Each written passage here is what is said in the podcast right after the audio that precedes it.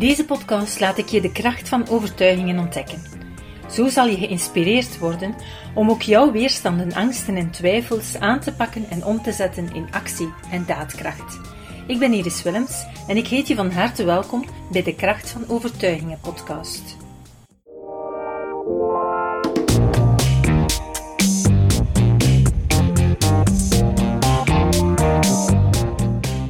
Vandaag in deze podcast vertel ik je het vervolg van mijn verhaal van de noodzakelijke mindset voor een succesvolle business.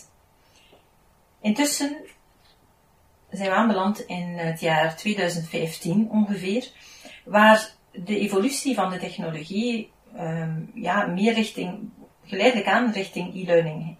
En ik geloofde wel in die ontwikkeling. Ik dacht wel van daar zit wel een toegevoegde waarde in. Um, maar voor onze sector, voor ditgene wat ik deed, het um, mensen gaan leren om hun brein optimaal te gebruiken, om meer uit zichzelf te halen en hun mindset te veranderen, dacht ik van dit gaat niet lukken via e-learning. Um, ik heb altijd een één op één contact nodig of tenminste een training, mensen fysiek aanwezig uh, in mijn omgeving. Ik ontwikkelde wel een app, uh, omdat ik toch wel geloof in die uh, digitale ondersteuning. Dus toen ontwikkelde ik al een app uh, met de oefeningen die we vroeger op CD hadden, maar omdat CD's ook geleidelijk aan aan het verdwijnen waren, um, ben ik die gaan vervangen door een app met de audio-oefeningen. En dat was al een, eerste grote stap en evolutie. Dat kostte me eigenlijk geen inspanningen. Dat, ik vond dat super tof om uit te zoeken hoe ik dat moest maken om dat zelf te ontwikkelen en zelfs uh, ja, om dat dan mee aan onze cursussen aan te bieden. Maar de stap verder om te gaan zeggen, we gaan nu ook naar e-learning, we gaan ook naar het online gaan leren, dat was toch een brug te ver, omdat ik er echt van overtuigd was van, met onze materie, dat gaat niet. Dat, daar kunnen we niet de resultaat mee bereiken. Je kan wel wat kennis overdragen, maar je kan geen verandering gaan bekomen. Dus dat bleef op de achtergrond. En ik geloofde wel dat we mee moesten met de technologie en de evolutie in de maatschappij. Maar hoe zich dat naar ons kon gaan vertalen, daar had ik op dat moment nog niet zoveel zicht op. Ondertussen zat ik ook natuurlijk nog altijd een stukje met de achterliggende angst van technologie, internet, als je daarmee naar buiten komt, daar kan van alles gebeuren. Hè. We weten de rekening houdend met wat me overkomen is in 2010, met het... Uh, ja, de negatieve uh, kritiek en, en negatieve uitdrukkingen van die concurrent die mij daar volop op het internet bekladden. Dus die angst was groot en uh, dat maakte dat ik als excuus wel had van het is niets voor ons of zeker niets voor mij. Maar door de jaren heen besefte ik maar al te goed dat dat ook een beperkende overtuiging was en dat dat toch iets is waar ik verder nog moest aan werken. Dus ik ben dan aan de slag gegaan, nog meer om te werken aan mezelf. Aan mijn angsten om naar buiten te komen, de angst voor kritiek, de angst voor reacties, de angst voor wat dan ook. Um, en daar lopen heel veel mensen ook tegenaan. Angst dat iemand kritiek gaat hebben.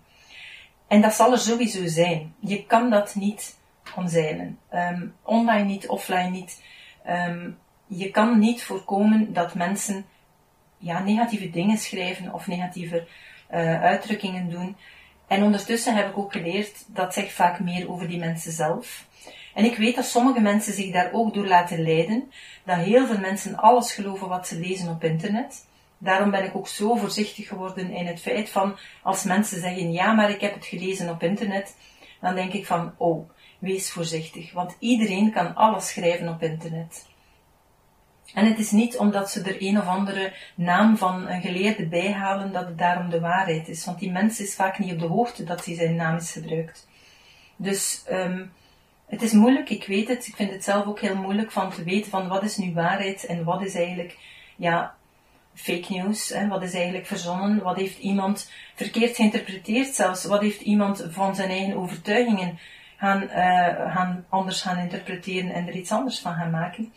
En dat verschijnt allemaal op internet. Dus wees voorzichtig met wat je leest en wat je beoordeelt. En als je de mensen niet persoonlijk kent en niet hebt persoonlijk gesproken en zelf hebt nagegaan of het klopt, dan raad ik u aan om dat niet te geloven. Probeer elke keer te achterhalen wat je leest om er ofwel meer over te weten te komen, met de personen zelf in contact te komen, maar geloof niet zomaar wat mensen zeggen. Want veel mensen zijn gefrustreerd zelf en gaan die frustratie afreageren op anderen, door anderen te bekladden, door anderen soms te bedreigen, door anderen proberen klein te maken, door ze af te breken en negatieve dingen rond te strooien. En er is een groep van mensen die dat inderdaad gelooft en die leeft op negativiteit. Dat zijn de mensen die inderdaad zelf vaak in frustratie zitten, die zelf vaak ook veel stress hebben, die leven van negativiteit en die zichzelf vaak niet bewust zijn dat ze op die manier in elkaar zitten. Ondertussen heb ik dat voor mezelf kunnen ombuigen in de zin van dat is niet de doelgroep die ik wil. En die zijn er, die zullen er altijd zijn, maar die negeer ik. Daar stop ik geen energie in. Daar heb ik ook nooit energie in gestopt, maar nu ben ik ook 100% overtuigd van het feit, je kan niet voor iedereen goed doen. Je kan niet voor iedereen, je kan niet iedereen bereiken, je kan ook niet iedereen gaan laten inzien dat wat ze zeggen niet correct is. Um, mensen hebben hun mening en vaak, zeker onder stress, gaan ze niet van die mening willen afwijken. Ze denken dat ze de waarheid in pacht hebben, maar het is altijd een deel van de waarheid. Het is altijd onze eigen overtuiging. En die overtuiging is in de meeste gevallen eenzijdig, zoals we al in meerdere van de podcasts hebben gehoord. Um, het is altijd jouw waarheid, het is jouw wereldbeeld, die gebaseerd wordt op de dingen die jij meegemaakt hebt. En dus ook als iemand anders vol frustratie reageert op iets wat jij zegt of doet of schrijft, dan is dat vanuit die persoon zijn wereldbeeld dat hij reageert. Uh, bijvoorbeeld, um, ik merk regelmatig dat een van de zaken, ik verspreid een, een deel van mijn boek gratis via een online e-book. En dat is gratis. Maar toch zie je dat bij die post um, van die gratis e-book, dat daar vele mensen daaronder schrijven, ja, het is niet gratis, je moet je creditcard bovenhalen. Van waar ze het halen, ik weet het niet, maar het is nogthans gratis. Wat wel kan zijn, dat is nadat ze een e-book hebben gedownload, dan krijgen ze bijvoorbeeld, komen ze op een bedankingspagina waar ik hen vertel, het e-book zit in je mailbox, ga die zoeken of kijk in je spam. En als je verder wil met het werken aan jezelf, dat kan zijn rond stress of waar dat het ook over gaat, um, dan heb ik hier alvast een eerste ondersteuning, een training waar je mee aan de slag kan gaan. En dan krijgen ze daar meestal ook een aanbod waarbij ze de training aan de helft van de prijs kunnen aankopen als bedanking voor de, uh, de download van het e-book en als eerste kennismaking. En op die pagina moet je natuurlijk wel betalen, want dat is een betalend aanbod, dat is iets extra die ze nadien kunnen kopen aan 50% korting. Maar er zijn natuurlijk heel veel mensen die zodanig overstrest zijn dat ze zelfs niet lezen wat ze krijgen, dat ze niet zien wat ze doen. En die eigenlijk gewoon maar zien van, ah, er komt hier een bedankingspagina, ik klik op mijn button en dan zie ik een betaalpagina en dus ik moet betalen voor dat e-book. Het e-book dat ze eigenlijk al gekregen hebben in hun mailbox, maar waar ze eigenlijk op dat moment nog niet naartoe zijn geweest. Dus mensen gaan oordelen over iets wat ze eigenlijk verkeerd oordelen. Ze zijn over de verkeerde dingen bezig en dan menen ze hun mening te moeten uiten via het internet en dan schrijven ze dat.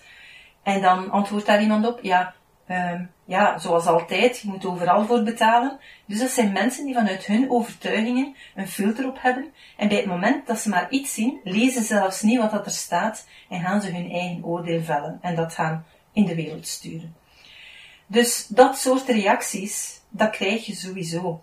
Maar dat zegt meer over die mensen dan over jezelf. Maar het is wel frustrerend, want ze geven verkeerde indrukken en de mensen die dat lezen, die misschien niet de moeite gedaan hebben om effectief te klikken om het gratis download van het e-book te gaan uh, aanvragen, die hebben zich misschien laten misleiden door het feit dat er één iemand of meerdere daaronder hebben gezet van ja, je moet ervoor betalen. Terwijl dat, dat totaal niet juist is. Maar het staat er wel op. Dus dat is een voorbeeld van wat er leeft en wat er gebeurt op het internet. Er zijn heel veel mensen die vanuit hun frustraties en vanuit hun stress verkeerde dingen en verkeerde zaken gaan zetten, reageren en anderen daarmee ook gaan beïnvloeden. Maar als je daar niet mee om kan, dan heb je geen toekomst op het internet. Dat, dat, dat is een deel dat erbij hoort. Um, maar dat gebeurt eigenlijk ook buiten het internet. Alleen weet je dat niet. Er zijn altijd mensen die dingen over u gaan vertellen die niet kloppen. Omdat ze er zelf iets bij verzonnen hebben, of omdat ze zelf een veronderstelling maken. Dat ze denken van niets kan gratis zijn, of er zit wel altijd een addertje onder het gras.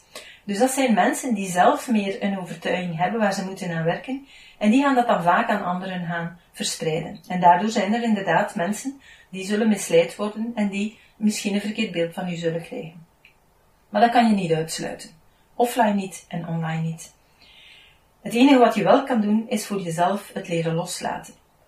In sommige situaties kan je het rechtzetten, kan je zeggen van kijk, ik weet niet van waar je dat gehaald hebt, dat het betalend is, maar als je goed leest, in je mailbox heb ik je dat gestuurd en het andere is eigenlijk een extra aanbod, een extra cadeau dat ik je doe, dus heeft helemaal niets met het e-book te maken.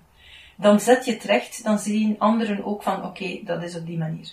Maar als het gaat over meer subjectieve zaken, waarbij iemand zegt van ja, maar dat kan toch allemaal niet werken enzovoort, ja, dat heeft geen zin in mijn ogen om daar in discussie over te gaan. Want die mensen zijn zo overtuigd dat het allemaal niet werkt, dat, dat ze het ook gewoon zelf saboteren. Hè. De kracht van overtuigingen is zo immens, dat als jij zelf zegt dat een bepaald medicatie niet werkt, dat je die medicatie, die werking van die medicatie gaat onderdrukken. Er zijn genoeg experimenten, er zijn genoeg onderzoeken gebeurd, en dat is effectief de kracht van de placebo en de nocebo, maar dat is gewoon iets wat in ons dagelijks leven elke dag gebeurt. Alles wat je doet, al je overtuigingen, creëren eigenlijk een stukje placebo voor alles. Um, dus iemand die zegt van ja, het is allemaal placebo, die heeft niet goed begrepen waar het over gaat.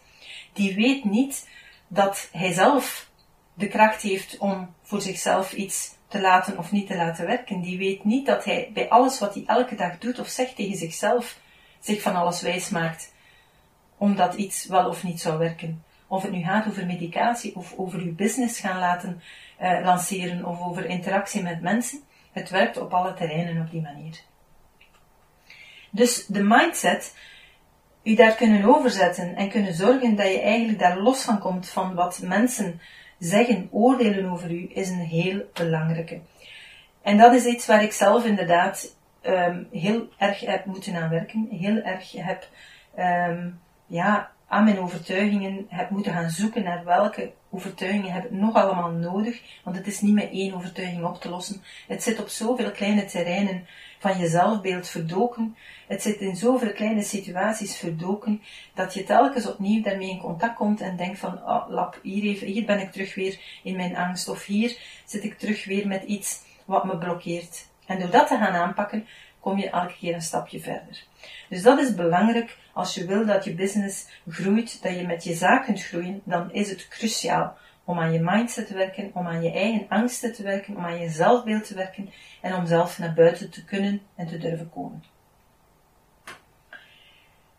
Ik had een, daarnaast um, had ik dan het idee wel, vanaf 2019 dacht ik oké, ik, um, ik wil wel weer meer naar buiten komen en ik zou eigenlijk, het is altijd al mijn mijn doel geweest om met de methodes die ik heb leren kennen, zelf tijdens mijn studies en waar ik zoveel aan gehad heb, waardoor ik mijn studietijd heb kunnen halveren, meer dan halveren en het resultaat meer dan verdubbelen, met minder dus inspanningen veel meer gaan halen.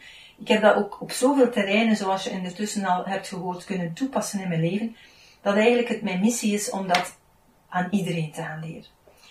Maar ik had dus gekozen, aanvankelijk van, ik wil met, met, met het bedrijf um, me richten naar, naar andere bedrijven die het aan hun medewerkers gaan aanbieden. De reden waarom ik die piste had gekozen was omdat ik in de overtuiging zat dat bedrijven wel investeren in opleiding voor hun mensen, maar individuen dat niet voor zichzelf doen. Dat een particulier niet investeert in zichzelf voor persoonlijke ontwikkeling.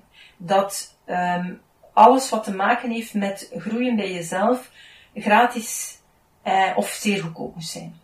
En dat heeft natuurlijk wel te maken met het feit dat heel veel mensen in die business zo denken.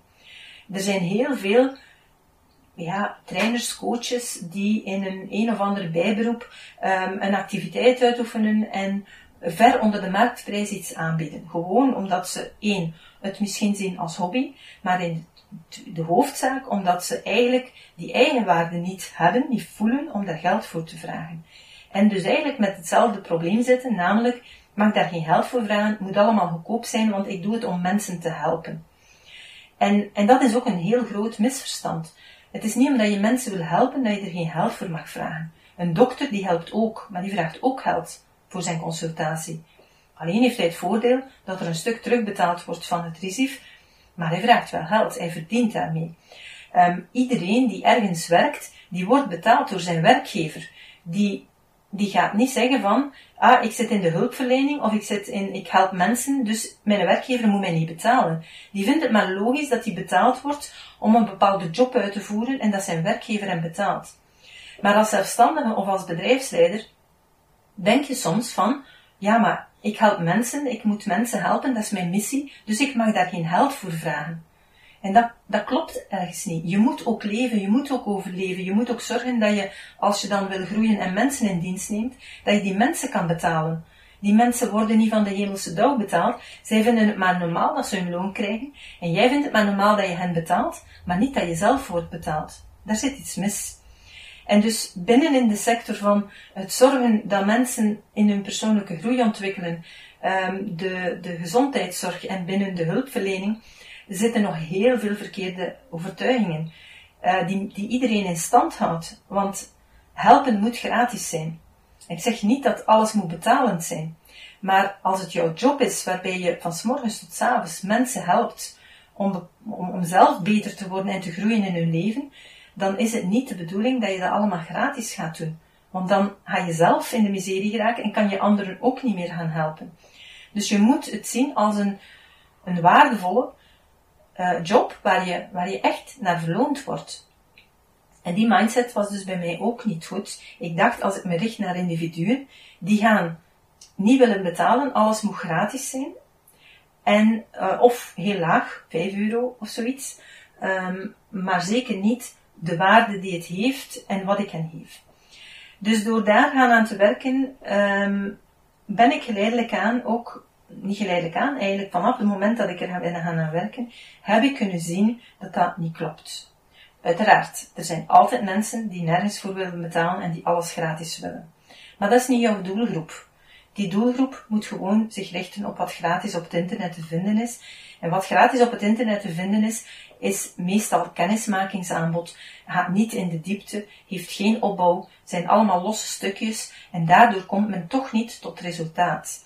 Um, toen ik begon met het, dus het idee had van in 2019, ik wil een online platform uitbouwen. Eerste idee was, ik ga dat doen naar bedrijven. Opnieuw, ik zat vast in de overtuiging, alleen bedrijven gaan dat aanbieden aan hun medewerkers. En dus vanuit die optiek heb ik het gaan uh, creëren.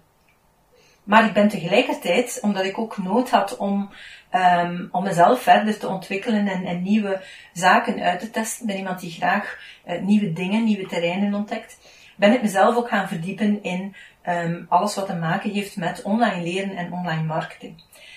En toen voelde ik opnieuw heel wat overtuigingen waar ik mee zat. Want heel wat zaken die men mij aanraadde om te doen, voelde ik weerstand tegen stemmetjes in mijn hoofd die zeiden van, ja, maar dat ga ik niet doen. Want um, dat past niet bij mijn business. Ja, maar mijn klanten gaan dat te pusherig vinden. Ja, maar mijn klanten gaan dat te opdringerig vinden.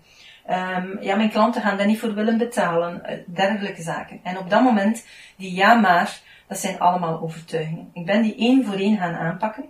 Um, op heel korte termijn. En tegelijkertijd ben ik ook de trainingen gaan opnemen om een online uitgebreid platform te gaan maken. En ook daar bij het opnemen voelde ik weerstand. Ik voelde ook daar weer overtuigingen. Ik voelde daar dat ik terug weer mijn grenzen moest verleggen. Want ik was wel gewoon van voor groepen te spreken. Ik heb zelfs voor groepen gesproken van, van meer dan duizend personen. Ik had daar geen enkele moeite mee. Maar het feit dat ik het moest opnemen voor de camera zonder dat er iemand was, zonder dat er publiek was, was voor mij een immense opdracht in het begin. Ik voelde daar enorm veel weerstand tegen, want ik had geen interactie, ik, ik had geen feedback en ik verloor al mijn dynamisme. Dus ik heb ook daar aan mijn overtuigingen moeten werken. Ik heb daar um, een aantal overtuigingen gedaan. Met de techniek van de balanstechniek ben ik ook in de weerstand gegaan. Um, terwijl ik aan een opname bezig was of ging beginnen, ben ik door de emotie gegaan. En op één dag was dat aangepakt, was dat door, doorbroken. En de volgende dag ben ik gestart en sindsdien is dat eigenlijk geen enkele moeite meer om nog iets online op te nemen. Ik vind het zelfs leuk. Dus als je aan je weerstanden werkt, dan wordt het geen opdracht meer, maar dan wordt het leuk. En dan wordt het een onderdeel van wat je gaat doen. Dus je ziet, er zijn heel veel aspecten die daarbij komen kijken. Dus het, het, het groeien naar, ik ga naar dat online gaan, was al een eerste overtuiging dat dat niet zou werken. Ondertussen heb ik vastgesteld dat het eigenlijk zelfs nog beter werkt vaak dan de fysieke trainingen en de één op één live coaching. Er zijn verschillende elementen die veel sterker zijn, namelijk door de opnames um, kunnen mensen het herbekijken, um, kunnen ze daardoor er veel meer uithalen, want meestal na één dag training komt iemand buiten en zegt, ah, het was interessant, en wat heb je allemaal gezien? En ze kunnen maximum nog 50% herhalen van wat ze gezien en geleerd hebben, en al de rest zijn ze al kwijt. Bij een online training is dat niet zo. Ze kunnen die kijken, herbekijken. Uh, ik deel die op in hele kleine stapjes, waardoor mensen niet ineens overladen worden met heel veel kennis, maar het stelselmatig kunnen integreren. En waardoor ik merk dat de resultaten veel sneller komen en veel blijvender zijn. Um, terwijl als je uh, twee dagen training of vier halve dagen training, want wij hebben de training, geven nog altijd de training in halve dagen, um, dan, dan spreid je het wel en komen mensen even terug met hun feedback. Maar dat is op een heel korte tijdspanne, bijvoorbeeld over de looptijd van twee maanden. Terwijl met een, het online programma wat ik bijvoorbeeld aanbied, gaan ze um, over een veel langere periode, bijvoorbeeld over zes maanden of over een jaar, over die training gaan doen. En in die zes maanden of dat jaar kom je veel meer dingen tegen in je leven waarop je het kan toepassen. Heb je dus veel meer situaties waar je kan naar refereren, kan je veel meer het gaan toepassen en experimenteren in heel veel diverse contexten. En dat maakt dat een training veel meer diepgang krijgt door de combinatie van het online leren met de opnames. En wat ik er dan natuurlijk ook aan toegevoegd heb, is een live online sessie als ondersteuning, dat ze wel met hun vragen bij u terecht kunnen. Maar dat zijn allemaal zaken die ik in het begin niet had ingeschat en waar ik dus heel veel weerstand had, terwijl dat de oplossing eigenlijk nog beter is dan het, de vorige versie, vind ik zelf. Hetzelfde bij de één op één coaching. Ik dacht altijd, ik moet de mensen niet fysiek bij mij hebben, ze moeten bij mij zitten, anders heb ik daar geen voeling mee, anders kan ik niet inspelen op wat ze nodig hebben. En ik merk nu bij de online sessies dat ik dezelfde feeling heb, diezelfde reacties krijg, dat mensen zeggen van wauw, hoe dat je dat aanvoelt, um, wat ik juist nodig heb en, en hoe diep dat ik daarin ga. En als voordeel, ik neem ook de online sessies altijd op, waardoor ze de opnames krijgen. En waardoor ze eigenlijk nu ook nog nadien kunnen gaan terugkijken naar wat we in de 1 op 1 sessie hebben gedaan. Terwijl in een live sessie hadden ze dat niet. Het einde van een live sessie, van een 1 op 1 gesprek, een coaching sessie, gingen ze buiten en zeiden ze, oh, het was een interessante coaching, maar ga, eigenlijk ik ben wel weer al veel kwijt. het is jammer dat ik dat niet allemaal heb. Dat hebben ze nu wel. Door die online sessies hebben ze die opnames en kunnen ze opnieuw gaan dingen bekijken en gaan verdiepen en ermee verder gaan. Dus je ziet dat de overtuigingen je heel erg um, ja, belemmeren en ooglappen geven. Het is pas als je het gaat doorbreken en komt in een, durft de stap te zetten, durft uit je comfortzone te komen, dat je kan gaan zien wat de opportuniteiten en de kansen zijn die je krijgt uh, door, ander, door dingen anders te gaan doen. Dus naar buiten komen met mezelf was een heel grote opdracht daarin, heb ik aangepakt. Het um, werken aan de overtuigingen rond online gaan werken heb ik ook aangepakt en heeft mij ook gemaakt dat ik uit mijn comfortzone daarin ben kunnen gaan komen. Maar dan hebben we nog een andere pijler en dat is online verkopen aan mensen die je niet kent en die je niet hebt ontmoet. Want mijn idee was van, als we dat mee gaan aanbieden aan bedrijven, waar we al die al klanten zijn, dan kunnen we dat gemakkelijk als ondersteunend materiaal om een langer proces te gaan doen, mee gaan verkopen. En dat is zo. Dat is een van onze uh, businessdoelstellingen. Dat is dat we in de trainingen die we in company geven, dat we nu in heel veel situaties een, uh, een, een online Pranaflex abonnement van een jaar mee aanbieden, omdat we dan de mensen naast de training een jaar lang online kunnen gaan ondersteunen. En dat ze nog meer uit hun training gaan halen dan anders. Dus voor de klant is het ook een win-win, want ze hebben met een kleine bijkomende investering een jaar lang verder ondersteuning en waardoor de klanten, allee, de, de cursisten, veel diepgaander verandering gaan bekomen. Maar tegelijkertijd ontstond het idee van ja, we willen naar een grote doelgroep gaan. En onze missie is dat iedereen dat kan volgen. En heel veel mensen werken op een, in een bedrijf die dat niet aanbiedt. Dus vandaar dat we dan toch het online platform hadden, is het idee gegroeid van we gaan daarmee naar het individu, naar de particulier gaan. En daarom had ik dus eigenlijk wel uh, ook extra inzichten en ondersteuning nodig, want ik had totaal geen ervaring. We hadden geen enkele database, nul adressen van individuen waar we ons konden op richten om ons aanbod aan, uh, aan te bieden. En ook in die zoektocht en in die uh, begeleidingen die ik heb gevolgd, kwam ik weer mijn mindset tegen. Want ook daar kwam dan weer het idee van, ja, maar ik mag niet te veel mails sturen. Ja, maar de mensen gaan dat vervelend vinden. Um, al die verschillende zaken van, ik, ik wil niet commercieel zijn, ik wil niet verkopen of iets opdringen. Um, die kwamen allemaal naar boven. Dus dat was een volgende bewustwording van mijn mindset die niet goed zat om aan dit soort publiek te gaan verkopen. En ook het feit dat mijn mindset nog altijd zat in het feit van ze willen daar niet voor betalen. Dus ik ben mezelf gaan richten op van oké, wie is mijn, mijn ideale klant? En ik ben ook gaan overtuigingen gaan inprenten, zoals bijvoorbeeld, ik ben het aan mijn klanten verplicht om hen een aanbod te doen. Want de mensen die mij volgen of die iets een e-book hebben gedownload, um, of een webinar hebben gevolgd, of iets anders van mezelf uh, zijn tegengekomen en zijn gaan lezen. Die mensen zijn op een of andere manier geïnteresseerd in wat ik aanbied, anders zouden ze het niet lezen of niet downloaden of niet volgen, anders zouden ze er hun tijd niet in stoppen. Dus, en waarom ben je geïnteresseerd? Omdat je normaal gezien zoekt naar een oplossing voor iets. Natuurlijk zijn er heel veel mensen die zoeken naar oplossingen en die blijven zoeken, omdat ze de stap niet durven wagen om iets te doen. En binnen die groep van mensen die zoeken, zijn er ook heel veel die effectief zoeken, maar niet weten van wat moet ik nu doen. En wanneer ze je dan tegenkomen en je biedt hen een, een oplossing, je biedt hen inzicht wat ze moeten doen en wat ze, hoe ze, ze, ze het zouden moeten aanpakken, dan is het eigenlijk heel logisch dat je hen ook een vervolg gaat aanbieden. Dat je hen ook zegt van kijk, als dit jou interesseert, ik heb u al heel veel gegeven, ik heb u al heel wat gratis kennis weggegeven. Als je nu verder wil, dan ga je er wel voor moeten betalen. Want ja, zoals ik daar straks al zei, ik moet ook leven. En iedereen die ergens werkt, die wordt ook betaald. Dus het is niet omdat het mijn eigen zaak is dat ik niet betaald moet worden. Dus je mag je laten betalen voor je kennis, je ervaring, die je overdraagt aan anderen. Je mag je laten vergoeden voor het feit dat je een ander helpt om zijn leven beter te maken. En als mensen vinden dat dat niet kan, dan is dat niet jouw doelgroep. Dan zijn dat mensen die op dat moment in hun mindset nog niet klaar zijn om te groeien. Want mijn eigen ervaring is ook, ik heb ook heel veel opgezocht op internet. Ik heb ook heel veel gratis webinars gevolgd. Maar die brengen je niet naar het next level. Die brengen je naar een eerste stapje. Die brengen je bewustzijn. Die brengen je inzicht. En op dat moment is het aan jou om te beslissen, ga ik daar nu in verder? Of stopt het hier?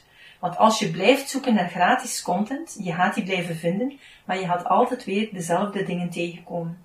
Omdat het gratis is. En mensen die echt diepgang en echt verandering met jou willen bewerkstelligen, die ga je moeten betalen. En dat is ook voor mijn klanten. Dus ik geef heel veel weg. Ik geef ook via deze podcast heel veel kennis. Maar dit is maar een heel klein stukje van wat ik allemaal aan een klant kan bieden. En wat ik met een klant allemaal doe. En dat hele kleine stukje geef ik gratis weg. Met veel plezier. Maar als ik al mijn kennis en alle ervaring en alle uh, tools en alle methodes ga weggeven die mij in de voorbije twintig jaar hebben gebracht tot waar ik nu sta, ja, dat is niet logisch. Ik heb daar ook moeten voor investeren. Ik heb daar ook moeten voor uh, knokken. Ik heb moeten met vallen en opstaan mijn lessen leren. En die zijn ook wat waard. Ik heb zelf ook uh, begeleiding, coaching en dergelijke gevolgd. Dus ik heb ook geïnvesteerd in mezelf. Al vanaf toen ik nog aan, aan, aan de UNIF studeerde, ben ik eigenlijk al gaan opleidingen, bijkomende opleidingen gaan volgen die ik uit mijn eigen spaargeld van mijn vakantiejobs heb betaald. Dus je kan maar groeien, je kan echt maar je business succesvol maken als je durft te investeren in jezelf. en in je bedrijf in deze, in deze situatie. Maar algemeen gaan mensen maar echt groeien als ze effectief in hunzelf investeren. En dat betekent vaak ook geld investeren in zichzelf. Dus vandaar heb ik mezelf die mindset kunnen uh, ook volledig veranderen om ervoor te zijn, bij mezelf van overtuigd te zijn dat als ik mensen veel dingen gratis aanbied en ze niet kunnen verdragen dat ik ook een aanbod daarbij doe, dan is dat niet mijn doelgroep. Het is niet logisch dat ik alleen maar gratis zou geven. Dus door dat te veranderen, voel ik me nu wel comfortabel bij het sturen van mails. En dan krijg je soms, soms denk ik nog wel even van, oei, stuur ik niet te veel mails. En dan denk ik, oké, wie het te veel vindt, die moet zich maar uitschrijven. En soms krijg ik dan, op dat moment dat ik dat denk, krijg ik dan een paar reacties van mensen die me zeggen van, oh, ik vind het zo tof dat ik die mails van u krijg, want die helpen me wel en die, die, die doen me nadenken en die motiveren mij om, om, om verder te doen enzovoort. En tegelijkertijd krijg ik van mensen uh, een reactie op de mail van, stop eens met al die mails, ik krijg daar stress van. Je kan nooit voor iedereen goed doen. Je kan nooit bepalen wat iedereen graag geeft aan frequentie van mails. Je hebt mensen die graag elke dag of om de twee of om de drie dagen een mail krijgen, omdat ze dan in hun mindset positief blijven en blijven denken van, ah ja, inderdaad, ik moet aan mezelf werken. Je hebt mensen die mij één keer per maand al te veel vinden. Maar die groep die het te veel vindt, die moet zich uitschrijven. En daar krijg je dan opnieuw weer de mindset van de zelfstandige of de bedrijfsleider. Ik moet zorgen dat iedereen op mijn, mijn mailinglijst blijft staan. Ik moet zorgen dat ik veel mensen op mijn mailinglijst krijg. En als iemand zich uitschrijft, dan voelt men zich persoonlijk afgewezen. Of dan denkt men, ik, ze vinden me niet interessant genoeg. Of um, ik doe het niet goed, of wat dan ook. Maar ook dat zijn jouw overtuigingen, jouw beperkende overtuigingen. Want er zijn heel veel redenen waarom iemand zich kan uitschrijven. Het kan zijn dat ze effectief dat wat jij aanbiedt al kennen en dat het voor hen geen toegevoegde waarde is. Dat ze op een een of andere manier op je mailinglijst kwamen, maar het verkeerd hebben ingeschat. Het kan ook zijn dat ze dubbel in je lijst zitten met twee verschillende mailadressen en dat ze daarom uitschrijven. Het kan ook zijn dat ze je op een andere manier liever volgen, bijvoorbeeld via een podcast of via een blog of via je Instagram of Facebook of wat dan ook, en dat ze niet graag mails ontvangen kan ook zijn dat ze er niet klaar voor zijn. Dat ze eigenlijk denken van, ik heb dat niet nodig, maar dat ze gewoon op dit moment nog met een heel echte blinde vlek zitten en niet beseffen dat ze het wel nodig hebben. Het kan ook zijn dat ze um, al op dit moment andere prioriteiten hebben. Dat er iemand ziek is in hun omgeving, of ze zelf, of weet ik wat, en dat ze daarom zeggen van, nu ga ik eerst mijn prioriteit op iets anders zetten en ik ga me daarom uitschrijven. Dat kan. Of ze vinden het effectief niet interessant. Maar dat is een van de zoveel redenen, en we zijn heel snel geneigd als iemand zich uitschrijft, het te interpreteren als ze vinden mij niet interessant. Dus ook daar, mindset is superbelangrijk.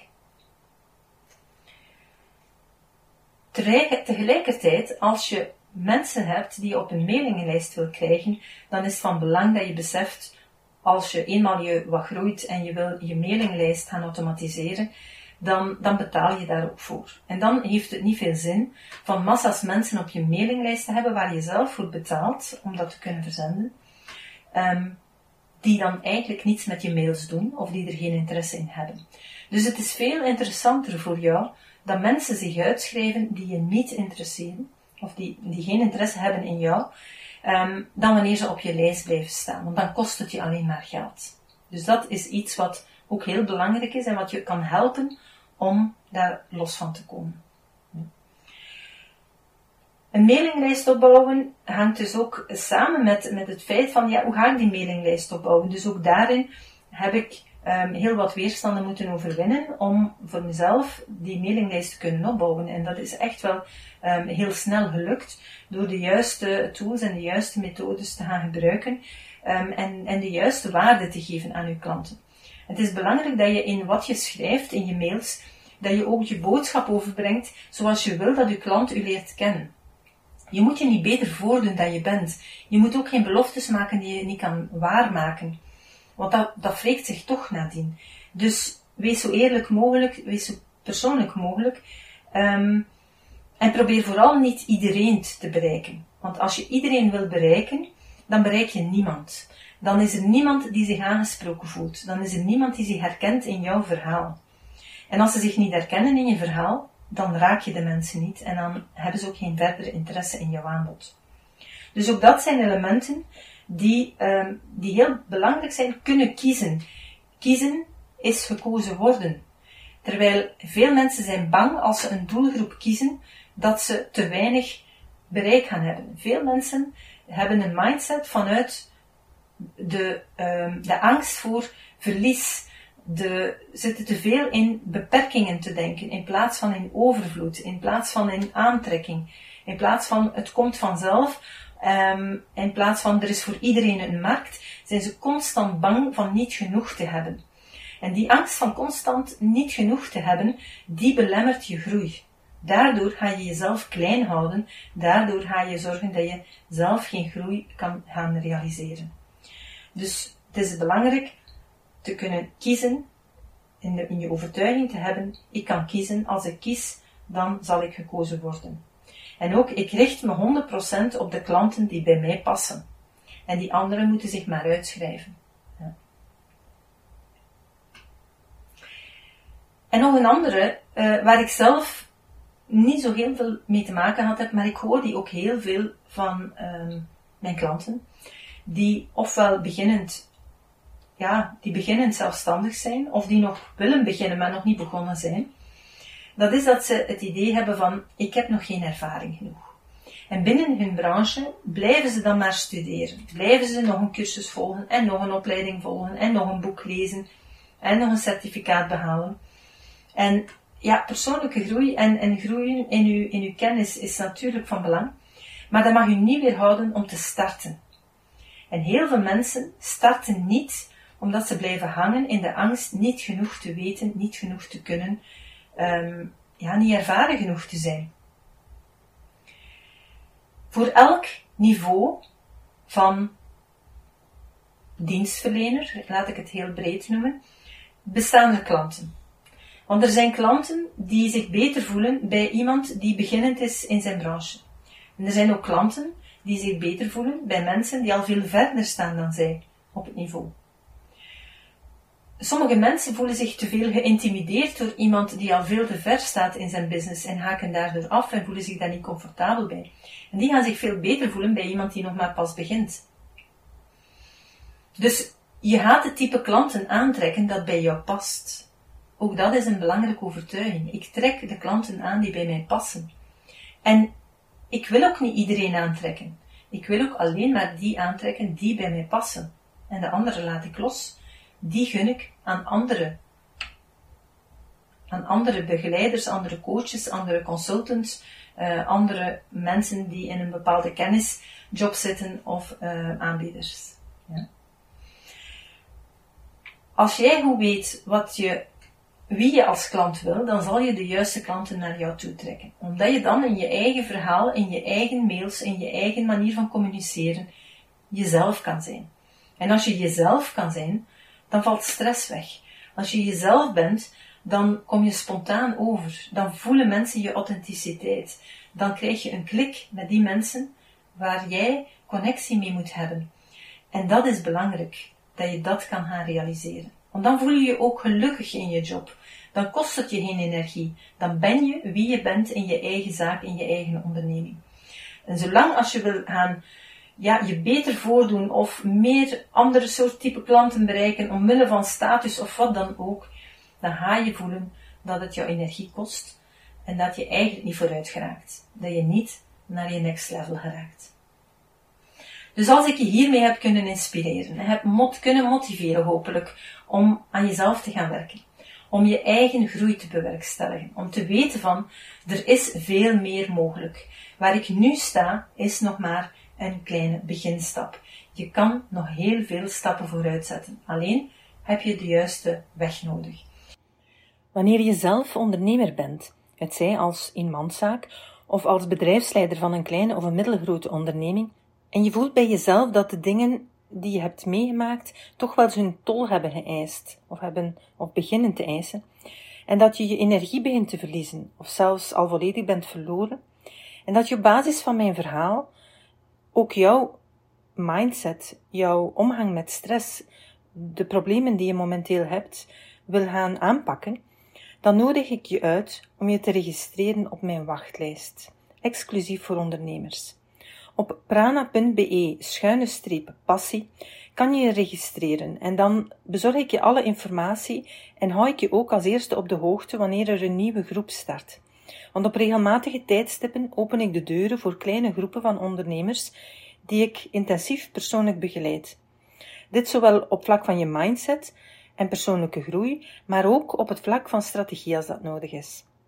De eerste stap is altijd stress aanpakken, overtuigingen in kaart brengen, die overtuigingen achterhalen, die jou zowel persoonlijk, maar ook in je businessvlak saboteren en die je verhinderen om vooruit te komen. En vanzelf komen we dan ook terecht bij de struikelblokken in je bedrijf en hoe die je verhinderen om succes te halen en hoe die verband houden met jezelf. Ik begeleid je daarbij dus ook om echt verandering te brengen in je bedrijf en in de resultaten van je bedrijf, zodanig dat die vele malen vergroten. Ik heb inmiddels 26 jaar ervaring met het leiden van twee bedrijven. Ik heb ze beide vanaf nul opgebouwd zonder 1 euro startkapitaal. En daarom kan ik me dan ook verplaatsen in vele uitdagingen van beginnende tot gevorderde ondernemers. Wil je graag meer info ontvangen? Schrijf je dan in op mijn wachtlijst en je ontvangt alle informatie. Je ontvangt ook als eerste de data wanneer er een nieuwe groep start. Ga naar prana.be-passie. Het is een programma exclusief voor ondernemers, want ondernemers hebben andere uitdagingen dan werknemers. Dus als je interesse hebt en je wil echt jouw stress aanpakken, de weerstanden, de onbewuste weerstanden ontdekken en aanpakken, jouw bedrijf terug succesvol maken en vanuit een passie terug kunnen ondernemen, ja, dan begeleid ik je heel graag daarin. prana.be schuine streep passie. Super tof dat je hebt geluisterd naar de Prana Mental Excellence podcast. Ik hoop dat je het waardevol vond en dat je er inzichten uit hebt kunnen halen voor jezelf en voor je eigen business. Vond je het een waardevolle podcast, dan zouden we het heel erg waarderen als je dit zou willen delen. Enerzijds door dit te delen via je eigen Instagram of LinkedIn. Maar wat we nog meer zouden waarderen als je tijd en moeite zou willen nemen om ons een review achter te laten. Werk je met een Apple-telefoon, dan kan je dat doen binnen je eigen podcast-app door daar een review te geven. Geef ons een x aantal sterren met daarbij een korte motivatie wat je van onze podcast vindt. En werk je met een Android-telefoon, dan zie je dat de meeste apps geen review-mogelijkheid hebben. Wat we dan heel erg zouden waarderen, is als je op Google Prana Mental Excellence zou willen intypen en vervolgens via de Google Review-sectie iets zou willen vertellen over Prana, wat je van ons vindt en wat je aan onze podcast hebt gehad. Alvast heel erg bedankt. Ik hoop dat je er volgende week weer bij bent bij onze volgende aflevering van de Kracht van Overtuigingen podcast.